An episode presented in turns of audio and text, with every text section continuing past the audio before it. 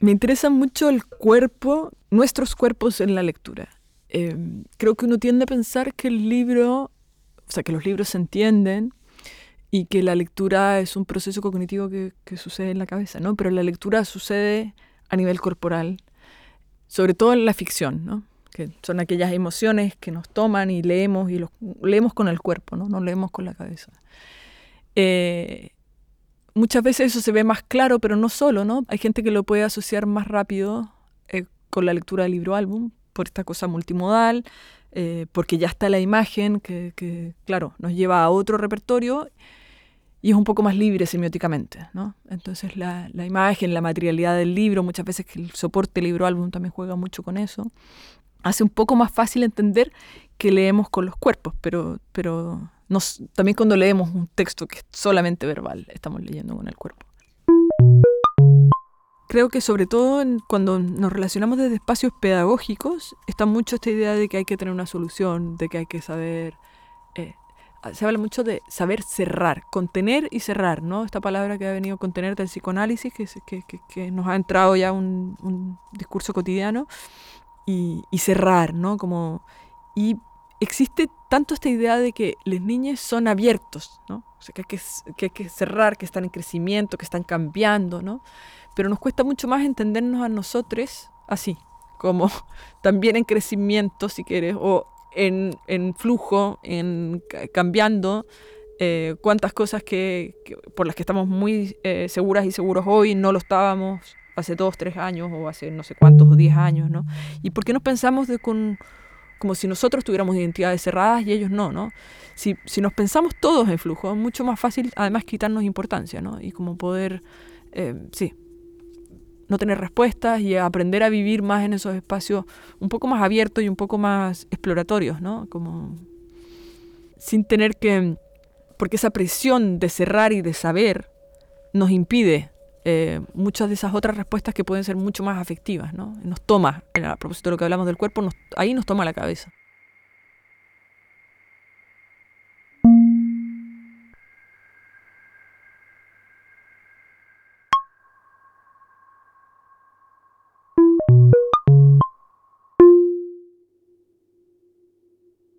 La escritora, editora y académica chilena Macarena García se piensa a sí misma como investigadora.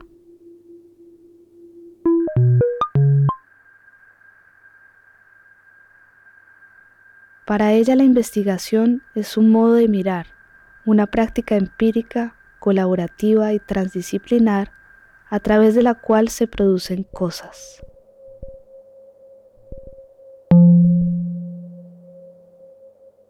Su mirada se fija en los modos en los que la cultura, la política, la ética y la sociedad se coproducen, prestando especial atención a los campos de la infancia, la literatura infantil y la educación.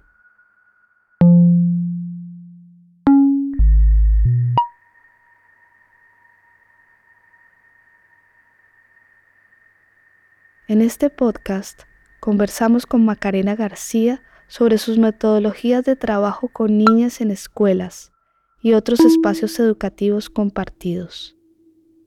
Hablamos sobre libros álbum desafiantes, sobre la fascinación y el desborde como herramientas para la transformación colectiva y sobre lo que les pasa a los cuerpos cuando están juntos.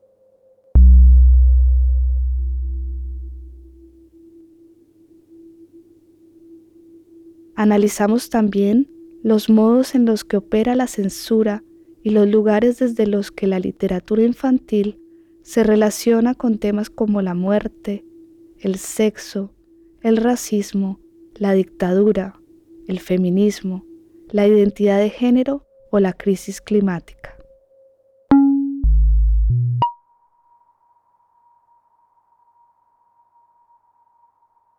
Como investigadora creo que me interesa mucho eh, buscar nuevas metodologías, probar nuevas metodologías, o sea, casi como si, como cada nuevo proyecto trato de hacerlo distinto, ¿no?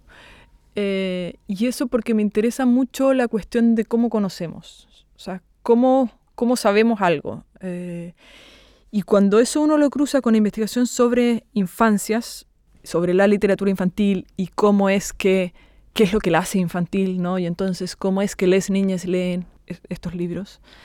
Em, al principio lo que más hacía era eh, análisis de texto, lectura de textos, ¿no? que es una aproximación más clásica de los estudios literarios. Eh, leemos, analizamos, tenemos nuestra batería de teoría y ponemos esta batería de teoría al servicio de un texto y entonces vamos a tratar de descubrir lo que trae oculto el texto, ¿no? Y aquello lo vamos a develar al mundo para que sepa de verdad qué es lo que este texto quiere decir. Y claro, eso tiene poco sentido creo que tiene poco sentido en general, pero, pero probablemente tiene menos sentido si estamos hablando de textos que lo que los define como literatura infantil es la idea de que tienen que ser leídos por un niño, ¿no? Una niña. Entonces, si aquello es lo que va a ocurrir, bueno, es que no importa mucho lo que yo, super investigadora, digamos, ¿no? comillas ahí, pero que la persona adulta que lo está leyendo con toda su batería crítica pueda decirme lo que en el fondo, ¿no? Eh, entonces, en los estudios de literatura infantil hace algunos ya 20 años, 20, 30 años, 30 eh, años ya. Bueno, en distintas partes, ¿no? Pero me interesa así el trabajo de Evelyn Arispe en, Reino Unido eh, y algunos proyectos que armaron desde distintas eh, partes del mundo en que trajeron la pregunta, bueno, a ver, ¿cómo es que las niñas leen, por ejemplo, los libros álbum, ¿no? Pero esa pregunta me parece súper difícil de contestar y por eso mismo siempre ando buscando alguna forma de pensar, de repensar las metodologías para que podamos ver cosas que no estaríamos viendo. ¿no? Y en ese repensar metodologías, eh, una línea que ha sido para mí muy importante es toda la línea de pensamiento poshumanista, eh, todo lo que viene de la teoría del afecto, ¿no? esa línea más de lesiana que ha sido súper importante en estudios en educación, de hecho. Eh, pensar, por ejemplo, con el concepto del devenir, pensar con el concepto de ensamblaje, pensar pensar en general como la agencia, qué es lo que un libro puede hacer, ¿no? Em, y qué es lo que un cuerpo puede hacer, ¿no? Cómo un cuerpo puede afectar a otro cuerpo, ¿no? Entonces, tratar de, de, salir de esa idea de que lo que estamos haciendo es leer lo que el libro de verdad quiere decir, ¿no? Esta idea de, de esos significados ocultos, y más bien pensar en qué es lo que puede hacer. Y ese qué es lo que puede hacer, tampoco es que la investigación va a ir a descubrirlo, así como qué es lo que estos libros de verdad hacen y voy a venir como investigadora y lo voy a mirar y lo voy a descubrir, sino que más bien es pensar la investigación como una práctica que produce cosas. Entonces, eh, desde ese lugar, más bien pensar qué cosas quiero producir. Eh, y con distintas metodologías puedo producir distintas cosas y puedo tratar de seguirlas y contarlas. Eh, y ese vendría a ser un poco el espíritu de muchas de las cosas que, que hemos, en plural, porque siempre además esto es en colaboración, que hemos estado haciendo en los, en los últimos años.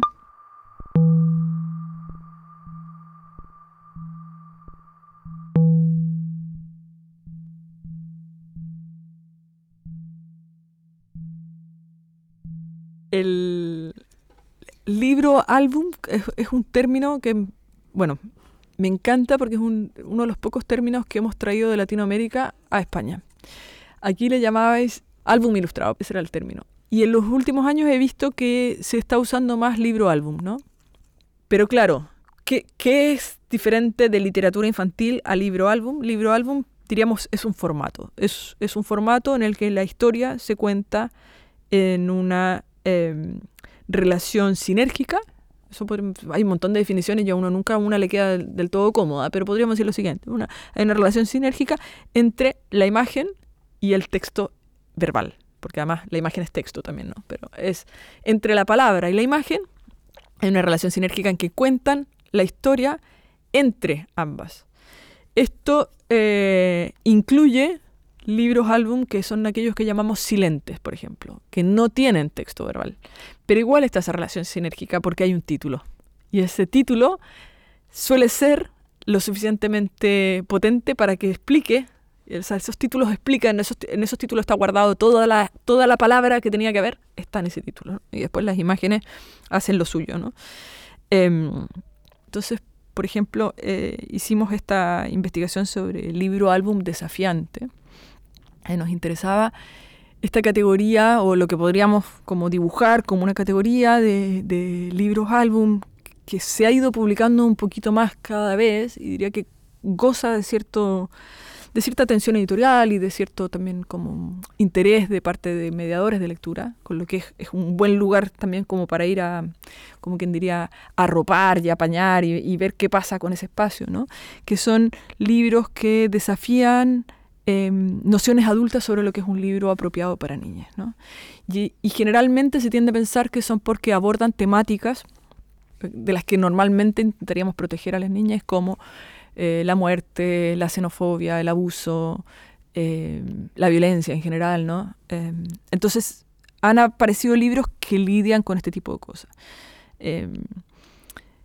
uno de los temas que en algún momento he estudiado es, la, forma en la que narramos la dictadura y, cómo narramos la dictadura y la violencia de Estado de las niñas. Y, hace, y son libros que han ido apareciendo en el último tiempo. Antes no, no, no teníamos ese tipo de, de narrativas. ¿no? Entonces, hay y ahora también hay más libros, de hecho diría que hay casi un, casi podríamos hablar como de un boom de libros de muerte, ¿no? Está lleno de libros de muerte y hay mucho interés de em, acompañar los duelos con lecturas, ¿no? Entonces hay un interés en este tipo de libros, libros desafiantes, que yo definiría, no los definiría temáticamente, porque temáticamente está lleno de libros de muerte que no le molestan a nadie, que se muere el abuelito, se convierte en una estrella, le manda muchos besitos desde el cielo y cosas de ese tipo no me parece que sean desafiantes, nadie pondría en duda que ese es un libro para niñas, ¿no? Pero hay otros libros que son más chungos y que los tratan de ciertas formas que no es tan obvia. Em, bueno, que en, el caso, los, libros con los que trabajamos para este proyecto, habían algunos que hasta a mí me costaba eh, estar segura que eran apropiados para poner en el marco de un proyecto de investigación y para llevar una sala de clases, ¿no? Y, y nos dimos unas cuantas vueltas en este proyecto, que es un proyecto con Soledad Belis, nos dimos unas cuantas vueltas en, en, alguna forma en la que otras personas nos aseguraran que estaba bien lo que estábamos haciendo, ¿no? Sobre todo yo que iba de investigadora principal de este, de este proyecto, como que sentíamos una cierta responsabilidad al respecto. Y cuando fuimos a leer estos libros eh, a la sala de clases, em, nos interesaba ya, ya veníamos con esta lógica que teníamos que registrar nuestros cuerpos y los otros cuerpos. Entonces teníamos mucha atención y eso no es que sea una nueva metodología, sino que es, una atención metodológica, si se quiere, ¿no? Eh, usábamos la técnica clásica de, la etnografía, de llevar un diario de campo, que lo llevamos durante mm, todo el periodo que duró este proyecto y, tomábamos muchas notas y Soledad es muy buena dibujando también, entonces ella hacía sketch de los, distintos espacios. Digo, en términos metodológicos no era algo distinto, pero eh, teníamos esta atención eh, especial hacia poder contar ese tipo de cosas y después, a la hora de analizar estos datos, eh, tuvimos atención especial hacia, eh, porque uno cuando hace muchas de estas, en este caso, por ejemplo, la, había una cierta conversación que ocurría después de la lectura que se grababa en audio. y lo que uno hace generalmente es que uno manda a transcribir aquellas grabaciones y uno como investigadora trabaja con la transcripción. Eh, y lo que hicimos fue trabajar, volver, si bien tenemos la transcripción, volvíamos una y otra vez al audio. Porque si no vuelves, y, ahí es el cuerpo, ¿no? El cuerpo, lo que se demora alguien en hablar. Eh, la voz, eh, las inflexiones de voz, pero sobre todo los silencios o todos aquellos momentos que no se hubiesen transcrito, bueno, que de hecho no se transcribían, ¿no? Por ejemplo, alguien tratando de decir algo, pero otros hablando encima. Eso uno no lo, no lo transcribe porque no, no parece que fuera un dato importante, cuando es un dato sumamente importante. ¿no? Entonces diría que desde ese lugar eh, me llama mucho la atención que nos cueste tanto ver ese, el, hecho de que se lea con el cuerpo, ¿no? Porque el, centro no está, el centro de, de, de, mi investigación al menos nunca ha estado en lo que pasa en la cabeza de la niña, ¿no? Que hay mucha gente que si voy, si voy y presento mi trabajo, es como, oh, qué fascinante, porque entonces leen así, deconstruyen el significado así, y es como nada más ajeno a, mi ética de investigación al menos que tratar de meterme en la cabeza de nadie. O sea, no va, no es el, no es el concepto, ¿no? Y más aún cuando hablamos de niñas, porque lo hacemos todo el tiempo. O sea, todo el tiempo estamos describiendo lo que quieren, por qué lo quieren, tal, y que quién es el que mejor los puede describir para esto, para lo otro, y que van a decirlo, ¿no? Eh, entonces, nada más ajeno.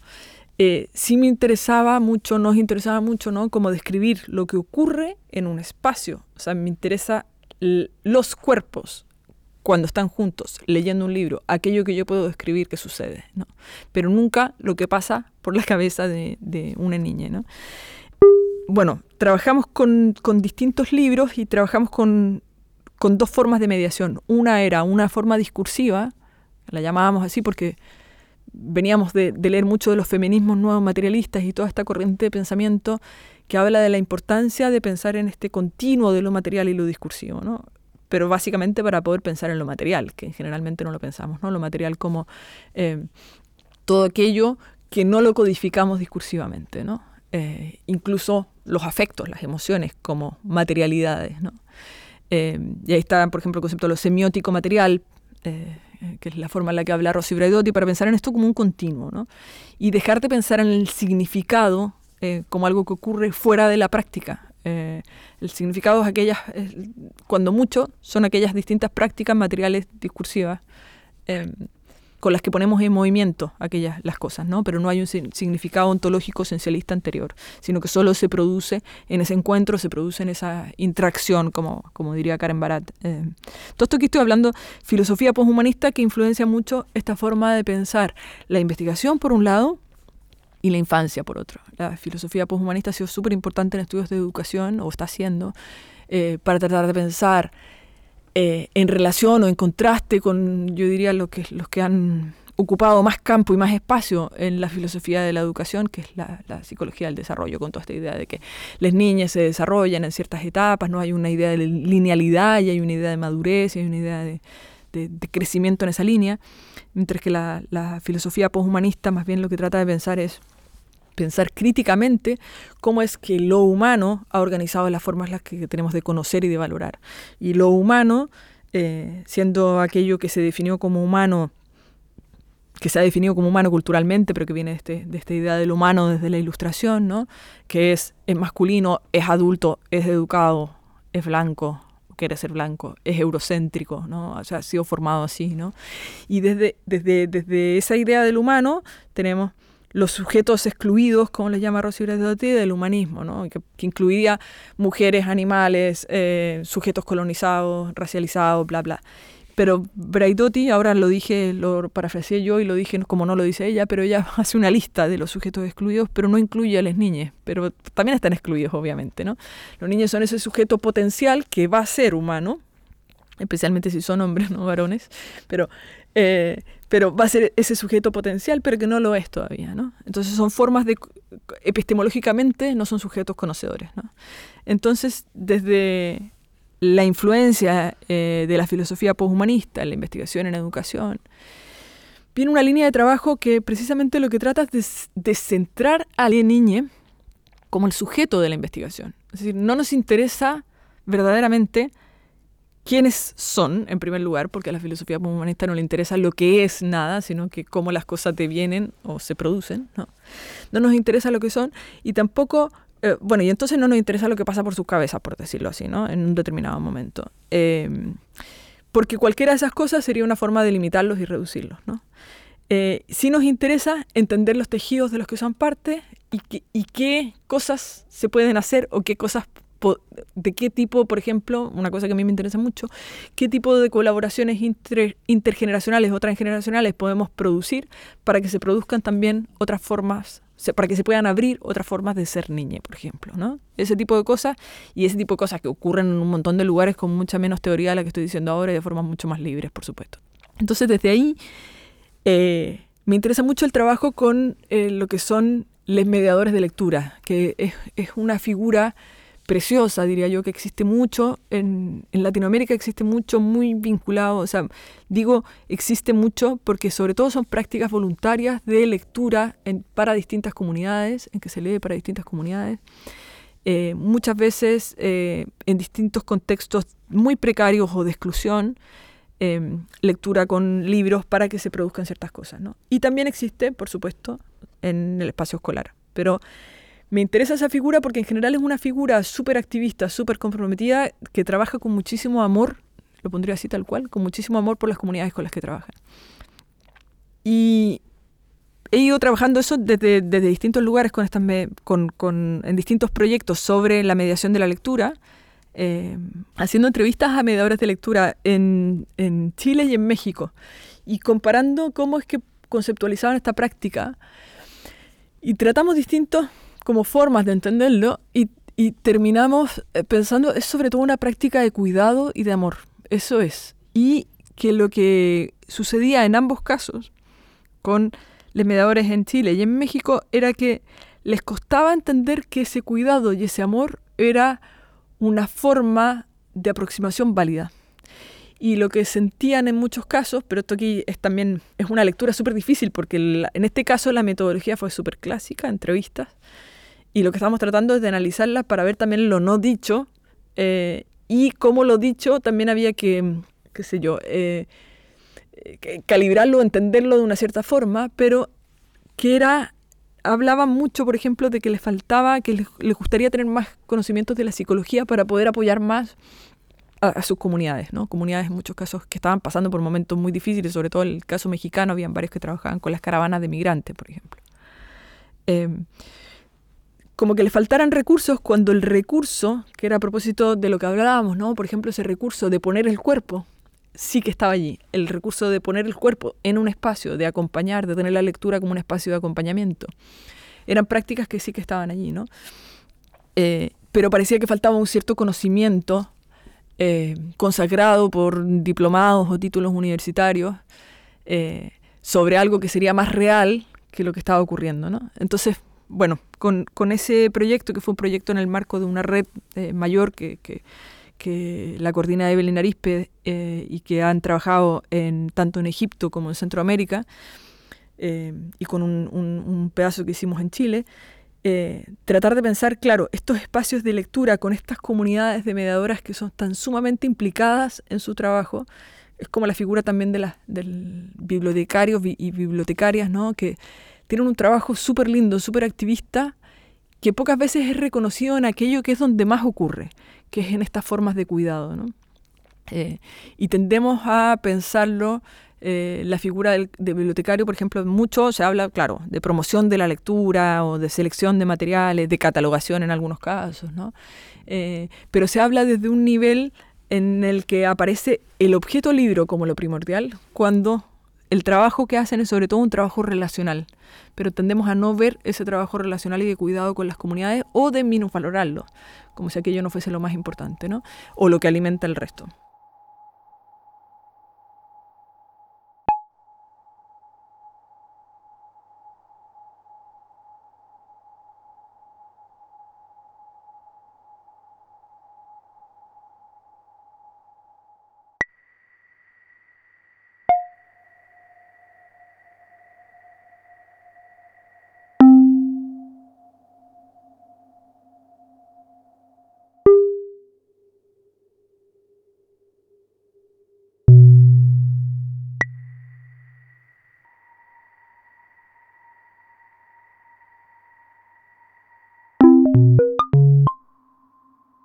En el proyecto de, libro álbum y, tema, y libros álbum desafiantes, teníamos una atención especial hacia casi que una segunda pregunta de investigación que era casi la primera, camuflada, ¿no?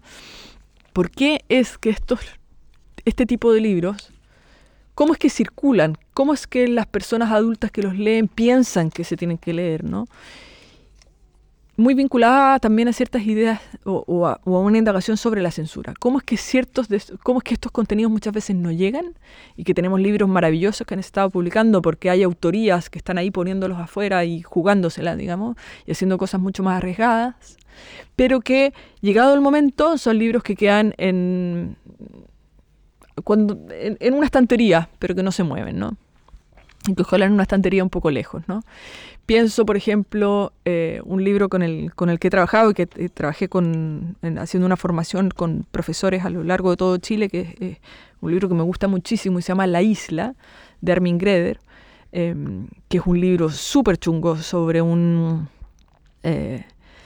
Armin Greder es un, es, un, es un, autor, ilustrador sumamente crítico, ha hecho varios libros muy críticos. Y este es, uno clave, es, es un hombre que naufraga con una balsa y llega a una isla Voy a hacer spoiler ahora, ¿vale? Llega a una isla. En la isla hay un grupo de aldeanos que lo recibe. Y la, tenemos una doble página, ¿cierto? Dos páginas enfrentadas que dice que lo reciben. Y sale un hombre eh, apuntándolo con un asadón, ¿no? Em, y entonces y el texto dice, así que lo acogieron. Bueno, lo mandan a vivir a un establo donde habían algunos animales, le dan algo de comida, cuando al hombre se le acaba la comida, vuelve al, pueblo, eh, pide que le den trabajo. Hay toda una discusión sobre quién le tendría que dar trabajo, pero nadie tiene espacio para darle trabajo porque aquí ya somos muchos, estos somos los que somos, qué sé yo. Hay un pescador que lo intenta defender, pero el pescador sale a pescar y no hay más espacio que para una persona en su barca. Cosas que de a poco va creciendo la sensación de que no tienen que hacerse cargo de él. Hay algo de discusión sobre esto, pero que no se tienen que hacer cargo de él. Y finalmente, ya avisé que hay spoiler, finalmente eh, deciden eh, que tiene que volver al mar. Entonces, este grupo de, de, aldeanos, un poco a la fuente ovejunan, ya nadie es culpable, ¿no? Se agrupan todos y lo arrastran de regreso al mar. Es decir, no está dicho en el libro, pero más que obvio, lo mataron, ¿no? Lo mataron. Entonces, un libro infantil, un libro álbum, que al final llega un hombre y al final lo matan. Y mm, construyen una muralla alrededor, un muro alrededor de la isla, matan los pájaros para que nadie más nunca sepa que había tierra y fin de la historia. O sea, no hay nada de final feliz en ese libro, ¿no? Entonces, eh, yo había, había, trabajado con este libro con profesores de escuelas públicas en las regiones donde llega más el número de migrantes en el norte de Chile. Eh, y había sido muy interesante trabajarlo en un lugar donde estaba ya muy tensionadas las, las aulas, ¿no? Eh, con discursos xenofóbicos eh, al por mayor, ¿no? en estas ciudades que se ven muy superadas por la cantidad de migrantes que llegan. entonces eran aulas ya muy tensionadas por un, por un discurso xenofóbico. Y claro, está siempre la idea de que si a estos profes no les das eh, herramientas para trabajar este libro en el aula, no lo van a trabajar porque no saben cómo hacerlo, ¿no? Entonces esa era un poco la idea y bueno, y ese era mi rol, darle las herramientas, ¿no?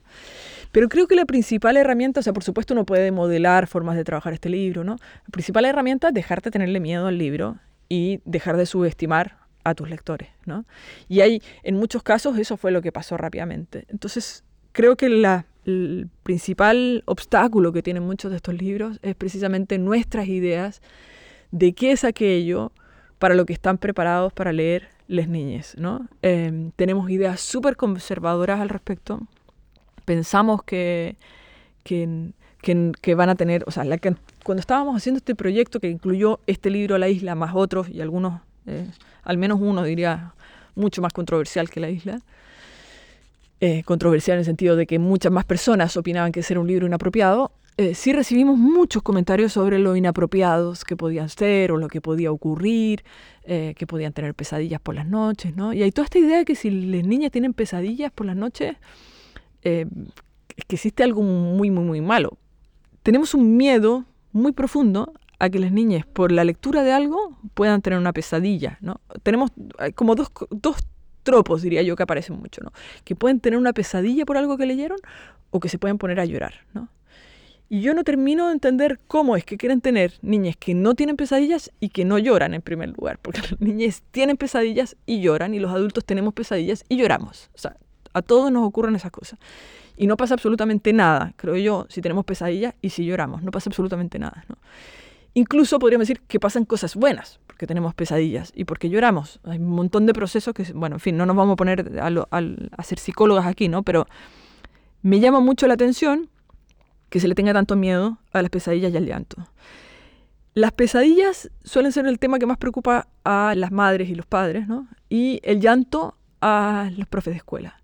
Porque está la idea de que si alguien se te llega a poner a llorar en tu sala por algo que leíste, eres muy, muy, muy culpable y también porque existe, y esto sí me parece un poco más justificado, o al menos tengo más empatía con esta razón, que es que no sabría qué hacer después de eso, o aquellas profesoras con las que he trabajado, que alguien se les ha puesto a llorar después de una lectura, no sabía yo qué hacer.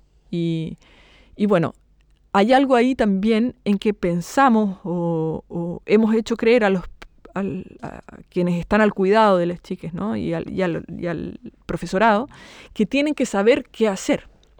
Eh, cuando, no sé qué porcentaje del tiempo, no me atrevería a decir, pero no sabes qué hacer. O sea, muchas veces no sabes qué hacer y no te, no te complica tanto como si alguien se pone a llorar. O sea, no saber qué hacer es una condición de, estar delante de una sala de clases, por supuesto, porque está lleno de momentos que no sabes qué hacer. ¿no? Entonces, pero esta idea de que hay que evitar que se llore en todo momento. Entonces, esta era parte de nuestra, de nuestra motivación, porque nos llamaba mucho la atención esto. En otras investigaciones ya estaba apareciendo mucho esta intensidad de súper conservadora de, esos temas que tenemos que proteger. Y también porque cuando uno va mirando la producción, lo que se publica hoy día, se evita mucho más temas chungos o, que, la, que, haya un cierto desborde, ¿no? Que haya un desborde en la narrativa o que quede algo así medio abierto de maldad, de la, maldad del ser humano es como un gran tabú, ¿no? Al final todos tienen que ser buenos y... Entonces, como nos interesaba mucho eso, queríamos también ver qué pasa si uno lleva este tipo de libros a la escuela, ¿no? Eh, y en este caso, precisamente para no cargarle la mano a las profes, porque en esto aquí yo puedo ser súper crítica, pero tampoco no he sido profe de escuela y las admiro profundamente y los admiro profundamente, ¿no? Eh, entonces, bueno, por no cargar la mano, en vez de poner eh, a los profes, a uno de los profes, eh, a, a, leer el libro como parte de la investigación, lo que hicimos fue contratar a una mediadora de lectura para que hiciera las lecturas. De esa forma era parte ya del equipo y también desde el comienzo le dijimos, bueno, vas a ser también eh, sujeto de investigación, ¿no? O sea, aquí está el consentimiento, lo, que uno hace, ¿no? Que tienes que firmar el consentimiento para ser parte de la investigación.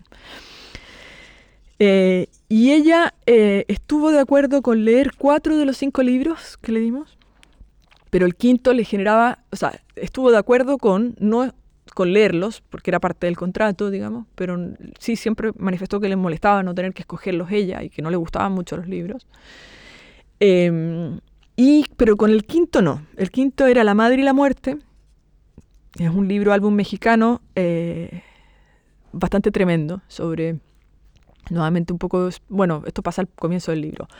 Llega la muerte a la casa de una madre y la pone a dormir y le roba al bebé, ¿no? Y se lo lleva y la madre tiene que ir a buscar a este bebé. Bueno, sí voy a hacer el spoiler completo. La madre tiene que ir a buscar a este bebé y para ir a buscarlo tiene que pasar por un río y para pasar por el río se tiene que, tiene que cortar las piernas y después para pasar por las montañas un brazo y, los ojos y llega donde la muerte finalmente totalmente desmembrada esta madre.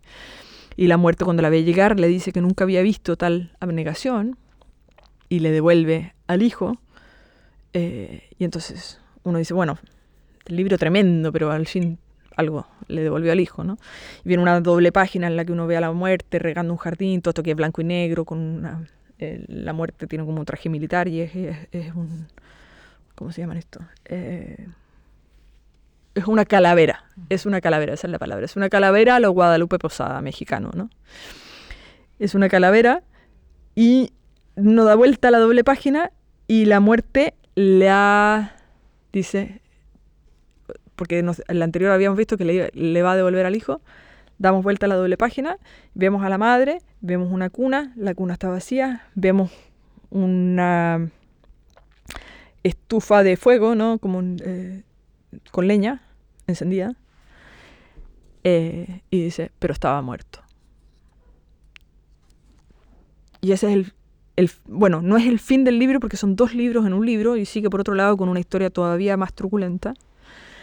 Eh, pero esa es la historia. La madre se desmembró por ir a buscar a su hijo y se le devolvieron al hijo, pero el hijo estaba muerto y la madre se quedó desmembrada. Y no hay ninguna suerte de ningún final feliz, pero tampoco hay una moraleja. Porque en el libro de la isla, uno dice, bueno, esto es lo que no hay que hacer para que, y cuando llega alguien nuevo a la sala, tenemos que acogerlo, y cuando ta, ta, ta, ta, ta, está más claro la intención pedagógica. En este no está nada de clara la intención pedagógica, si lo hubiese. Quienes, quienes publicaron este libro, de hecho, distintas entrevistas o así, han dicho, bueno, eh, es un libro para todas las edades, ¿no? O, nadie dijo que fuera un libro para niños. Lo tienen así, pero claro, está en una colección, en la que es la colección más reputada, yo diría, del libro álbum, eh, que es la colección A la orilla del viento de Fondo Cultura Económica. Eh, entonces, a esta mediadora no quería leer este libro en específico, y claro, lo entiendo, no, no encontraba el sentido pedagógico de leer este libro y estábamos trabajando con dos clases, que sería un segundo de primaria y un quinto de primaria. Dijo, bueno, vale, al quinto. Al segundo no, son muy chiquitos. Entonces, eh, seleccionamos con ella otro libro de muerte más suavecito para el segundo. eh, y leímos al quinto. Y, trabajábamos con los dos cursos em, al, mismo tiempo. Entonces sonaba una campana, que era el de cambio de sala, y a los cinco minutos entraba el otro, el otro grupo, cinco o diez minutos. Y lo leímos al de quinto, tuvimos una súper interesante respuesta, mucho interés en el libro, mucha fascinación por la materialidad del libro, venían a tocarlo porque tiene como una textura, la tapa, le, iban a preguntar a la bibliotecaria que, que dónde, que cuándo estaba, que dónde se encontraba el libro. Em, claro, y estoy hablando ahora de la mediadora, pero también estaba la bibliotecaria, la profe, de, era una profe de cada uno de los cursos, eh, había otra persona más, me acuerdo, adulta en la sala. La bibliotecaria estaba sentada junto a mí mientras leíamos este libro. Yo todavía me sentía sumamente culpable por lo estar leyendo, sumamente culpable. Dije, ojo. Cuando lo empezó a leer y veo que esto ocurre, o sea, que está ocurriendo, que está... Porque a mí este libro me había fascinado durante mucho tiempo y de hecho había enganchado con, con Soledad, que habíamos empezado a trabajar juntas cuando le dije, este libro lo tienes que leer y ella ya lo conocía. Y fue como, entonces tenemos que trabajar juntas sobre este libro. Era como que todo el proyecto lo habíamos montado sobre nuestra fascinación con este libro, ¿no? Entonces era casi como que queríamos hacerlo, pero cuando veo que lo proyectábamos en una pantalla, porque era una sala grande, entonces lo proyectábamos en una pantalla, lo leía la mediadora, el libro álbum, y había una segunda mediadora que también, habíamos, que también era parte del equipo, que se paseaba entre el grupo y lo iba también mostrando. Teníamos como todas estas eh, formas de... El ideal hubiera sido cada uno con su libro, por supuesto, pero no dan los, los recursos, pero teníamos como todas estas formas de acercarnos al libro álbum claro, cuando lo está leyendo así, yo, es que hay algo que estoy haciendo muy incorrecto. Esto no lo debiera estar haciendo. ¿no? O a uno le baja ese, ese, o sea, a mí que lo había recontrapensado y que lo quería mucho hacer, eh, también habita en mí esa figura conservadora de por qué lo estás haciendo. Porque con la isla, claro que no te cuesta, si te está hablando de la xenofobia. ¿Este libro de qué te está hablando? Porque más encima es tremendo. Te está hablando del sacrificio de la madre. ¿Qué libro es esto? ¿y qué estoy haciendo aquí? Porque acaso, ¿qué va a pasar después? Porque qué... ¿De qué está hablando este libro, no? Porque tampoco está hablando de la muerte. Está hablando, ¿De qué está hablando? Está hablando de la composición del cuerpo, ¿de qué está hablando? ¿Por qué, por qué lo estoy haciendo? ¿no? Y la, la confirmación, yo diría, el momento en el que digo, ya sé por qué lo estoy haciendo, ocurre cuando veo lo que está pasando con el libro y cuando siento como parte de ese espacio que estamos quienes estamos ahí estamos viviendo un momento de transformación, por decirlo así. Y, puede sonar un poco como grande, pero no es que quiera decir que es el libro que tiene esa agencia y es el libro y la lectura compartida en, que, que, fue posible que eso sucediera. Y es también lo que esta mediadora fue poniendo al, al leerlo, ¿no? Eh, bueno, y lo que todos, ¿no? Y las chiques ahí, y el espacio, este era un espacio de una biblioteca escolar. Pero pasó algo en ese lugar, en ese momento, que fue sumamente claro, sumamente claro. Entonces estaba, se estaba leyendo este libro y cuando termina y con todo lo que pasa después de las preguntas de las chicas y lo que vino, que de hecho fue todos ellos mostrando las, las, llagas, las heridas que tenían de distintas cosas que les habían pasado, eh, hablando de la madre, hablando de mi mamita me quiere igual que esta, otra decían, no, pero yo nunca quiero ser una mamá como eso. O sea, ocurría todo, ¿no? Ocurría, ocurría esa sacralización de la madre eh, sacrificada que, me, que, me, daba pavor, pero también ocurría la reacción a la madre sacrificada ahí mismo, y ocurría la descomposición del cuerpo, y ocurría, pero lo que más ocurría era una fascinación, un momento, había un momento. Y fue tan claro que había ese momento que, como digo, teníamos 5 o 10 minutos para ordenar esto, eh, yo creo que eran 5, de hecho, porque es el tiempo de un cambio de sala, para ordenar este espacio. Eh, porque se desordenaba todo cada curso que llegaba y al otro se lo montábamos un poquito de nuevo, que estuviera... Entonces mientras movíamos de nuevo las mesas, mueve acá, saca acá, vuelve a poner esto, ta, ta, ta, voy y me acerco a la, a la mediadora y le digo, bueno, y con el segundo de primaria, ¿te atreves? Sí, claro. O sea, fue así. No, se demoró. Sí, claro, ya está cambia, cambia, cambia el, PowerPoint del no sé qué que vamos a mostrar, vamos a hacer el mismo y hacemos el mismo y ya está. No se demoró ni un segundo. Entonces, bueno, me interesan esas preguntas, ¿no? No solo por qué es que hay contenidos que no contenidos, libros, narrativas, formas de, de pensar que no circulan, porque hay emociones que no permitimos, ¿no?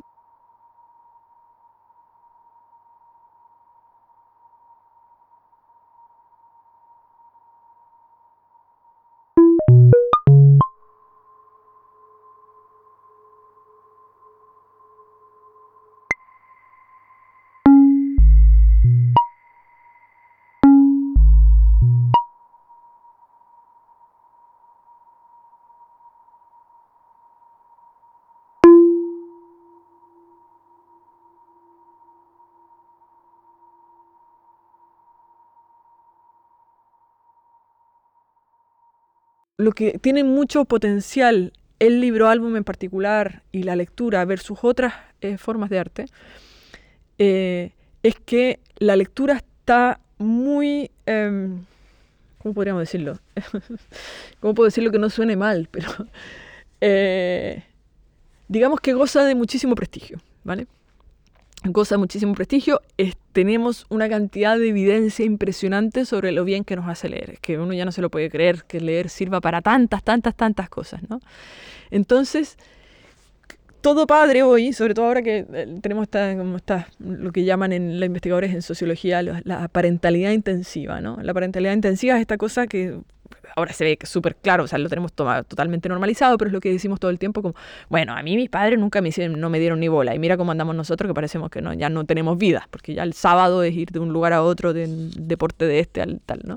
Entonces, la parentalidad intensiva, al menos en sociología, se explica mucho con la idea de que hoy en día vemos que el mundo es mucho más competitivo y difícil que el que nosotros vivimos, ¿no? Y que por eso somos los responsables de prepararlos para un futuro que es horrible, básicamente. Y como somos los responsables de eso, los tenemos que preparar holísticamente para todo, porque ya ni se sabe, ¿no? Entonces no nos podemos quedar solo con la escuela, sino que además que poner las extraescolares, pero además edúcalos socioemocionalmente conténlos, al estar, eh, dentro de la parentalidad intensiva aparece también esta idea de que tienen que leer, porque como todos sabemos, y lo hemos visto en tantos titulares, que el que no lee va recontra jodido por la vida, pero el que lee le va a ir mejor en todo, va a ser más sociable, va a ser más empático, le va a tener mejores resultados escolares, va a ser mejor ciudadano, va a estar mejor preparado para la democracia. Es que, que hay evidencia para todo, entonces todos quieren que lean. Entonces, por ejemplo, nosotros eso ha sido súper aliado en este proyecto, por ejemplo, en el esto también, en que mandamos distintos materiales culturales y a las chicas les encanta, que les mandamos cortos y música, no sé qué, no sé cuánto, pero les mandamos siempre un libro. Y entonces a sus eh, cuidadores les, les encanta que sean parte del proyecto. Y entonces también los entusiasman a que sigan, ¿no? Porque en ese proyecto están leyendo, ¿no?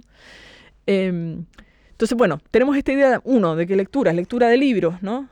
Dos, que hay que leer libros y leerlos por placer, además. Esa es la otra, ¿no? Porque el que lee obligado no le va tan bien. Entonces hay que leer por placer. Pero no tenemos muy claro cómo lo vamos a hacer.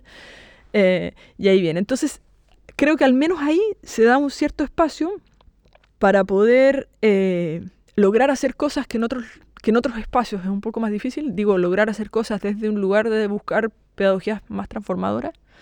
Eh, que en otros espacios sería un poco más difícil, pero que em, con el auge de la extrema derecha y derecha em, en general en todos sitios hoy en día, eh, y además yo incluso sería aún más em, pesimista al respecto, creo que la plataformización de la vida no nos va a ayudar en esto y que tenemos unos cuantos años hasta que vayamos entendiendo bien cómo están funcionando estos algoritmos para producir estas sensibilidades, ¿no? Eso hace que se frenen muchos de estos procesos porque la gente, claro, tiene muchos miedos. Y esta parentalidad intensiva, si bien quiere que las niñas lean, también quiere meterse hasta el final de lo que hacen y no hacen en la escuela. Entonces, claro, las maestras y maestros hoy están totalmente presionados con una... Eh, perdón que me salgan tantas palabras en inglés, pero trabajo mucho en inglés, la accountability, ¿no? tener que rendir cuentas sobre todo lo que se hace. Entonces, cuando tú trabajas bajo esa idea que tienes que rendir cuenta de todo, no puedes tomar riesgo porque tienes que rendir cuenta de todo, ¿no? Entonces, no me extraña que la escuela sea un lugar cada vez de menos riesgo y de más irse a la segura y que por ende eh, sea mucho más fácil optar por libros en los que te vas a la segura que libros en los que tomas riesgo, ¿no? O sea, lamentablemente es así. Al mismo tiempo, diría que es un gremio maravilloso en el que hay mucha gente que a pesar de tenerlo absolutamente todo en contra, lo va a seguir haciendo.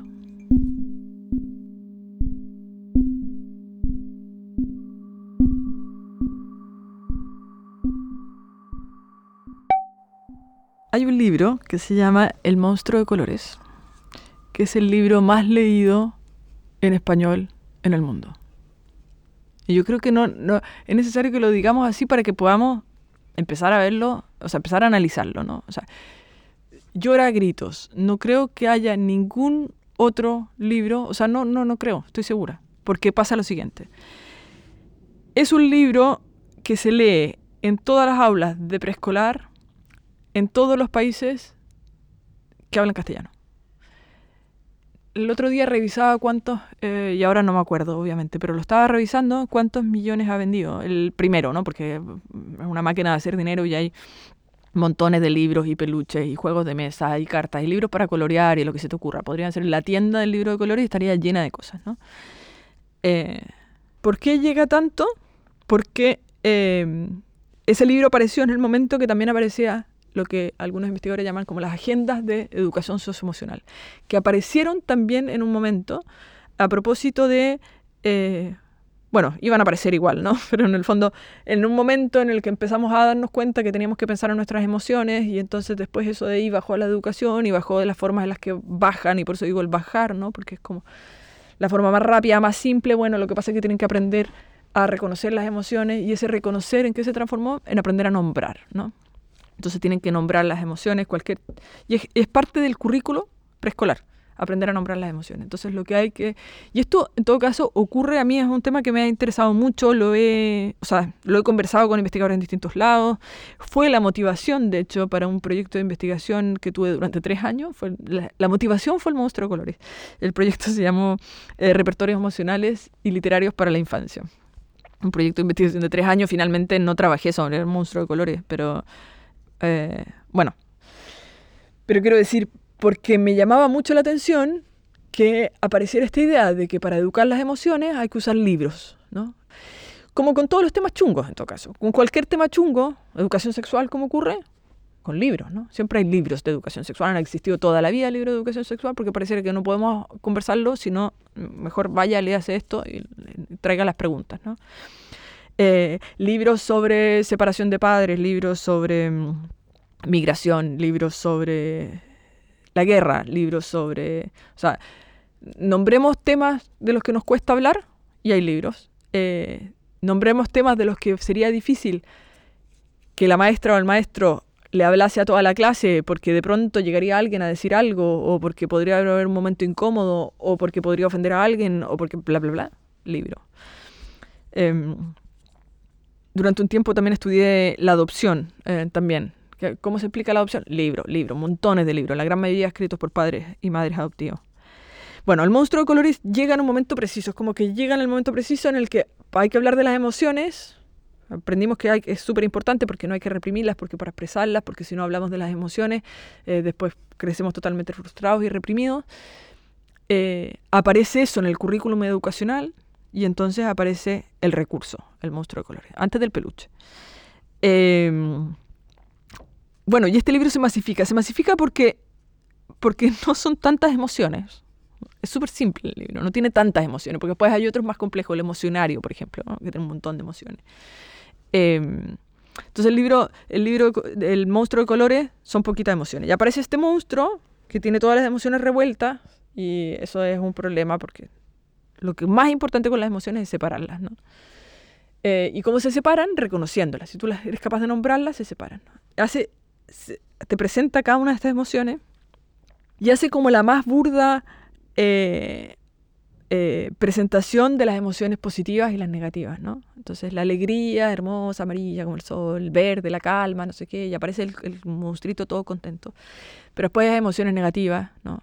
El miedo, que es negro, y el, el rojo, la rabia, que también es nefasta en el libro, ¿no? Entonces aparece esta idea. Y lo que ocurre al final, o sea, yo he hablado mucho contra, este libro y la única parte que los, los y las psicólogas enganchan es cuando le digo que, bueno, que cómo va a tratarse esto de poner las emociones en estos botes de vidrio y, y esto es reprimir las emociones totalmente, ¿no? Y ahí como que, uh, sí, ah, parece que el final está mal, ¿no?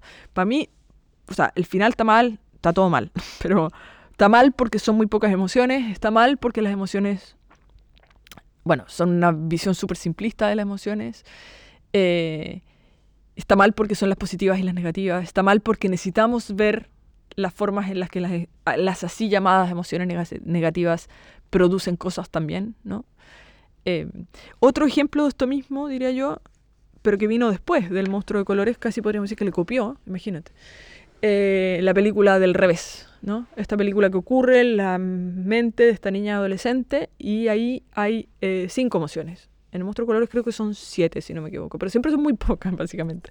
Bueno, y en esta hay cinco, y de esas cinco toda la película se trata que hay una que es eh, creo que la traducción en castellano es alegría, si no se llamará felicidad, ¿no?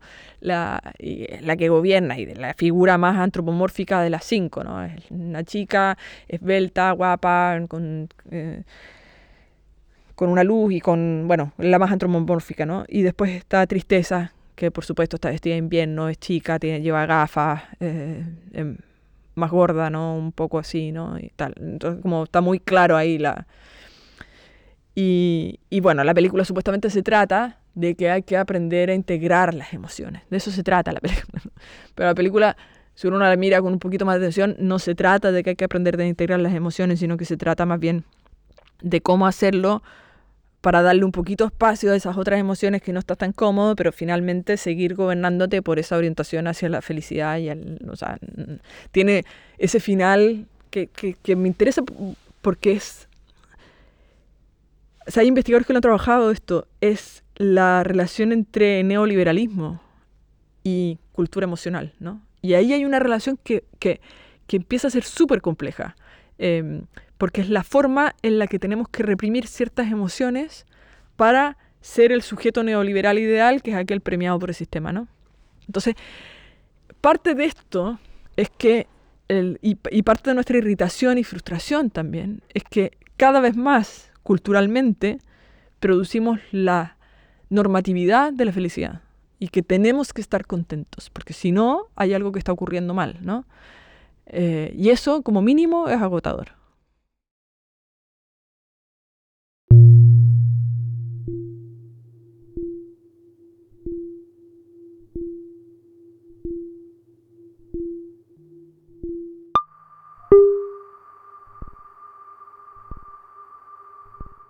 Los, libros infantiles están muy presionados por esta idea del final feliz, ¿no?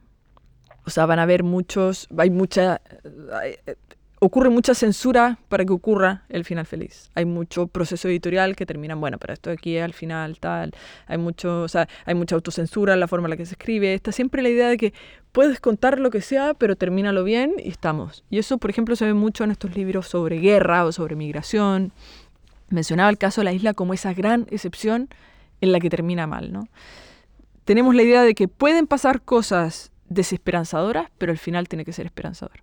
Si acaso no lo, no lo es, tenemos la idea de que la mediación tiene que ser esperanzadora, pero la cuestión de la esperanza aparece como una norma, como una orientación todo el tiempo. ¿no? Y esto me parece muy complicado porque lo, es como un, como que ensamblamos, como que viene junto, ¿no? Si hablamos de niñez, hablamos de futuro, y entonces, si hablamos de futuro, a pesar de que hoy en día hablar de futuro es hablar de, de distopia, ¿no? No, bórralo. Si hablamos de futuro, tenemos que hablar de esperanza, porque si no, no podemos hablar de niñez. O sea, no podemos hablar de niñez, futuro y distopia, porque ya cerramos y nos vamos, ¿no? O porque ahora sí que sí, tendríamos que tomarnos muchísimo más en serio y hacer desde ahora todo distinto. Como no estamos dispuestos a hacer todo desde ahora, todo distinto, tenemos que buscar trampas de todo tipo para ponerle esperanza a ese futuro, cuando sea que lo mezclamos con educación o con infancias, digamos. ¿no? Esto, por ejemplo, aparece clarísimo en la cantidad de, a veces de mierda que se publica, ¿cuál me podéis editar? Eh, sobre crisis climática. Es que la cantidad de libros sobre conviértete en pequeño activista, puedes hacer esto para salvar el mundo, tú y tu barrio, la, la, la, la, la, eh, unas, todas las semillas, todos juntos vamos a lograrlo, ¿no? Es, es, o sea, a mí me daba angustia y, y no soy niña, ¿no? Pero si yo fuera niña, me imagino, o sea, bueno, quién sabe, habría que ir a preguntarle, pero digo, hay una cuestión de eso, de tú vuélvete pequeño activista, como si acaso no nos diéramos cuenta que, que viven en un mundo en el que está cada vez más claro y hay que ya empezar a hacer, o sea, a no leer nada o a no ver el resto de cosas para darse cuenta que aquí no se están tomando ninguna de las medidas que se dijo hace 10 años que se iban a tomar, ¿no? O sea, que hay una culpa adulta sobre el momento en el que estamos y al mismo tiempo estamos produciendo estos libros que por lo demás no son nada ecológicos y que, o sea, pocos de estos, más encima, o sea, pocos de estos libros han tomado la conciencia ecológica en la producción misma del libro, como para decir, bueno, por lo menos nos estamos tomando un poco más en serio. No, es como un nicho de mercado en el que pareciera que entonces ahora tenemos que dar mensajes sobre esperanzadores sobre el futuro del planeta Tierra a través de responsabilizarte a ti de tus pequeñas acciones para que eh, nos salves a todos nosotros. ¿no? Entonces creo, o sea, no sé yo que lo crea, la verdad. Hay mucha gente que lo está diciendo, que viene un conflicto intergeneracional a propósito de la crisis climática. ¿no?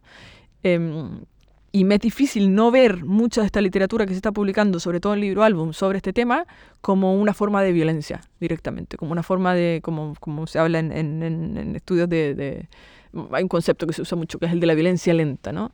Esta violencia lenta que es como de la... Este, este, esta metáfora de la ranita que la ponen en agua de, de caliente y le prenden el fuego y la ranita no, se, no alcanza, si hubiera saltado el agua hirviendo, salta. Pero si le calientas el agua, eh, no se da cuenta cuando ya eh, se coció. Entonces, los, los libros de, de, ecología, los libros de crisis, además no son de crisis climática, son como de ecología. Los libros de ecología suelen tener este como final feliz en el que reparamos el mundo, ¿no? Cuando es muy poco probable que, que, aquello ocurra. Más bien vamos a tener que aprender a vivir en el mejor de los casos, si no vamos a tener que aprender a vivir, o sea, vamos a tener que aprender a desaparecer. Puede ser que tengamos que aprender a vivir con un mundo sumamente dañado, ¿no? O sea, son otras probablemente las cosas que tenemos que aprender a vivir. O tenemos que aprender a vivir el conflicto, que, que la suma de conflictos, vamos a tener que aprender a ser justicia, eh, que es una justicia mucho más compleja porque es una justicia global, ¿no? O sea, los temas que se vienen a propósito de la crisis climática son temas muchísimo más chungos que el de, bueno, si tú vienes aquí y plantas un arbolito y después cuando recicles así, ¿no? Y vas pues, con estas pequeñas acciones.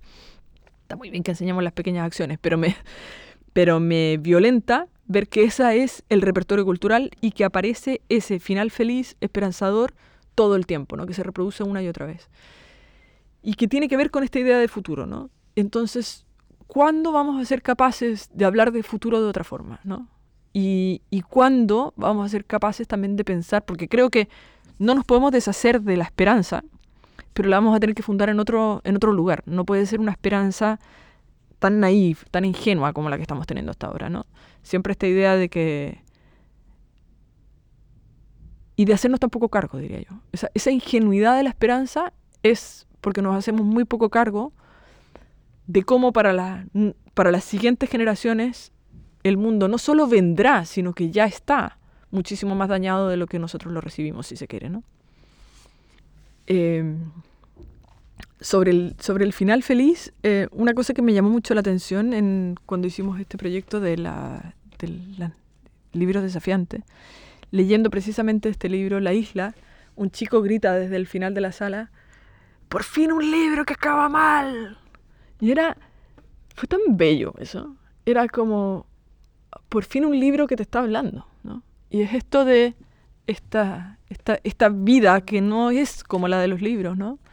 Y la violencia que puede suponer para muchos chicos estar una y otra vez, que los repertorios culturales, que los repertorios emocionales, que los repertorios narrativos, ¿no? Nunca permitan ver eso, ¿no?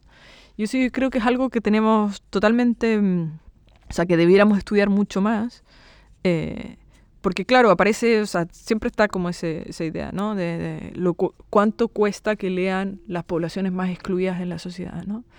Y eso desde los estudios culturales se, se, ha estudiado bastante, ¿no? Como que hay, por ejemplo, hay otros espacios y otros formatos que son más afines, ¿no?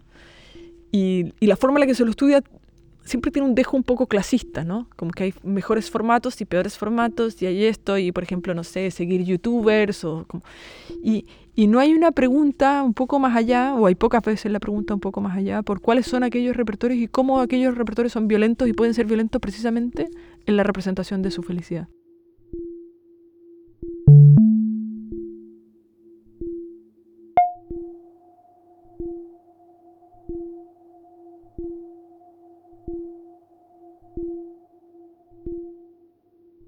Los temas que aparece como, porque ahora eh, la literatura infantil, a propósito que sirve para muchas cosas, ¿no? También sirve para lo que podríamos llamar nuestras agendas más progresistas, ¿no?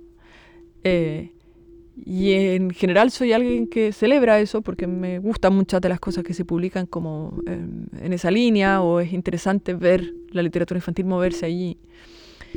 Eh, pero me llama la atención lo mal que parece llevarse eh, con los feminismos, lo podríamos llamar así, ¿no? Como, como que el libro álbum no pareciera encontrarse con los feminismos. Y me llama mucho la atención eso. Y, y lo que más vemos es, eh, O sea, veo problemas en, distintos ámbitos, pero, pero una cosa que me ha llamado mucho la atención es eh, el énfasis en la publicación de biografías de mujeres, ¿no? Em, que, que, ha sido o sea, la publicación de biografías en general en distintos idiomas, y esto lo dice también la, investigadora Clementine Bobet, que es eh, una investigadora francesa, que ha, visto mucho eso como este boom de la publicación de biografías, ¿no? Es algo que está pasando porque también hay mucho más interés en publicar no ficción y está toda esta idea de qué tipo de contenidos son aquellos adecuados y las biografías siempre han sido... Eh, un, género súper importante en la literatura infantil. Siempre ha estado esta idea, antes estaban las vidas ejemplares de santos, qué sé yo, la idea de que educas a través de otra vida. Pones una vida como modelo y la lectora, el lector, ¿no? se va a inspirar en aquella vida para modelar la suya. Y entonces lo que hemos visto en los años, podríamos decir, en los últimos años, tras las últimas em, revueltas y movimientos feministas que han, que han vuelto a poner el que han vuelto a mostrarnos la necesidad del feminismo, que han aparecido en el discurso público con mucha importancia, es como nuevamente una bajada a la literatura infantil, em, que ya sí estaba teniendo atención hace algunos años en el tipo de cuántas mujeres se publican o cuántos, cuántos personajes femeninos hay, qué es lo que hacen los personajes femeninos en las narraciones. De eso editorialmente había una atención hace muchos años, pero en los últimos años mucho énfasis en las vidas, ¿no? aquellas vidas de mujeres exitosas. Probablemente en esto, pero claro, es el huevo o la gallina siempre, ¿no? Pero así un libro como, como La rompió el monstruo de colores en relación a las agendas de educación socioemocional, eh, el libro que, la rompió editorialmente tendría que ser el, Cuentos de Buenas noches para Niñas Rebeldes, ¿no?